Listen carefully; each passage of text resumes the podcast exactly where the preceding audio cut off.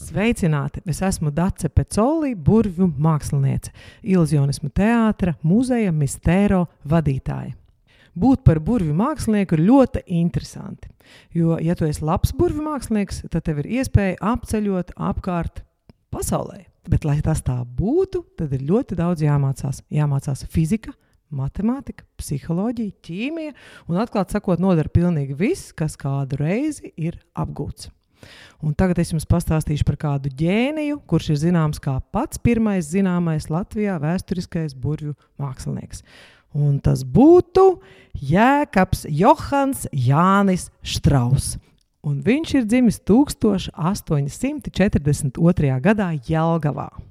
Viņš 25 gadus ir ceļojis patiešām apkārt pasaulē. Viņš ir bijis gan Ķīnā ar saviem priekšnosumiem, Japānā, Indijā, Afganistānā, Persijā, Buhārā un citās eksotiskās valstīs.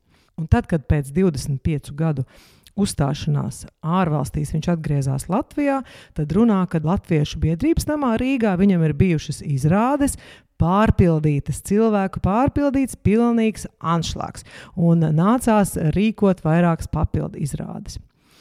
Un, protams, ka savos priekšnesumos viņš ieintegrēja daudz arī eksotisku numuru, kurus viņš aizņēmās no tām valstīm, kuras viņš bija apceļojis. Viņam gan bija Ķīnas numuri, kur viņš bija tiešām ķērpies kā tāds ķīnietis, gan arī tādi austrumnieciski numuri. Katrā gadījumā pārsteigt viņš mācīja noteikti. Bet bez tā, ka viņš bija lielisks burbuļsaktas, viņš bija arī unikāls žonglieris. Viņš esot žonglējis ar dažādiem priekšmetiem, un viņš, neskatoties uz savām auguma aprisēm, jo ar gadiem viņš palika aizvien apaļāks, bet savā jaunības dienās viņš esot arī strādājis arī kā virves dejotājs. Un viņa rekords ir um, Iešana pa virvi pār sēnes upi Parīzē ar aizvērtām acīm, ar aizsietām acīm. Un tas esot bijis unikāls fenomens, un par to ir padzirdējis, sadzirdējis pats Napoleons III, kurš tūlīt pat mūsu Johanu Strausu uzmeklēja Un arī viņu aicināja uzstāties pie sevis, un pēc kāda neilga laiciņa viņš viņu apbalvoja ar profesoru titulu un uzdāvināja zelta piesprādu ar dimantiem. Jānis Strauss bija arī lielisks vēderrunātājs. Viņš mācīja runāt desmit dažādās balsīs. Ko nozīmē vēdera runātājs? Tas nozīmē, ka viņš skaidri izrunā tekstus, bet viņa lūpas nekustās. Un šķiet, ka skaņa nāk no viņa vēdera, bet patiesībā tā ir īpaša tehnika, kur tie teksti tiek izveidoti, izējot no tā, kādas skaņas nevajag likt vārdos, tad e, speciāli tie teksti ir izveidoti ne gluži ar visām iespējamām skaņām, bet toties pietiekoši sakarīgi, un neviens pat nenojauš, ka kāds no burtiem ir apiets, izrunājot. Runā, ka viņš Rīgas tirgus placī esot izspēlējis vienu joku ar kādu olu tirgotāju. Viņš esot piegājis pie viņa un mēģinājis pakratīt pie auss, lai pārliecinātos, ka tās olas patiešām ir svaigas. Vienu pakrata, otru pakrata, trešo pakrata un sāk kaut ko atlasīt.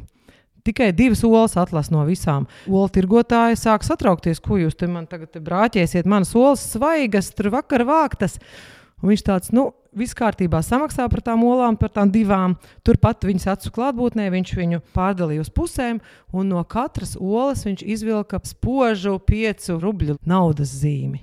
Olu pārdevēja šo te redzot, eh, ka viņai ir šīs īpašās olas, esot eh, plēsus viena pēc otrām tās olas, un tās naudas iekšā kā nebija, tā nebija. Tāds lūk, jogdars ir bijis arī mūsu buļu mākslinieks Jānis Strauss.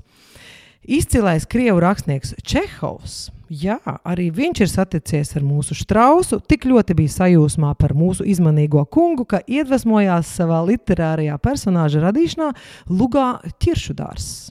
Mākslinieks Jānis Strauss bija tik interesants sarunbiedrs, ka viņu ļoti bieži aicināja tā laika augstākā sabiedrība uz dažādiem saviesīgiem vakariem. Viņš tik daudz bija ceļojis pa pasauli, tik daudz ko bija redzējis, vienmēr interesējās par zinātnes sasniegumiem, tā skaitā par ķīmiju, par teātri, par kino attīstību.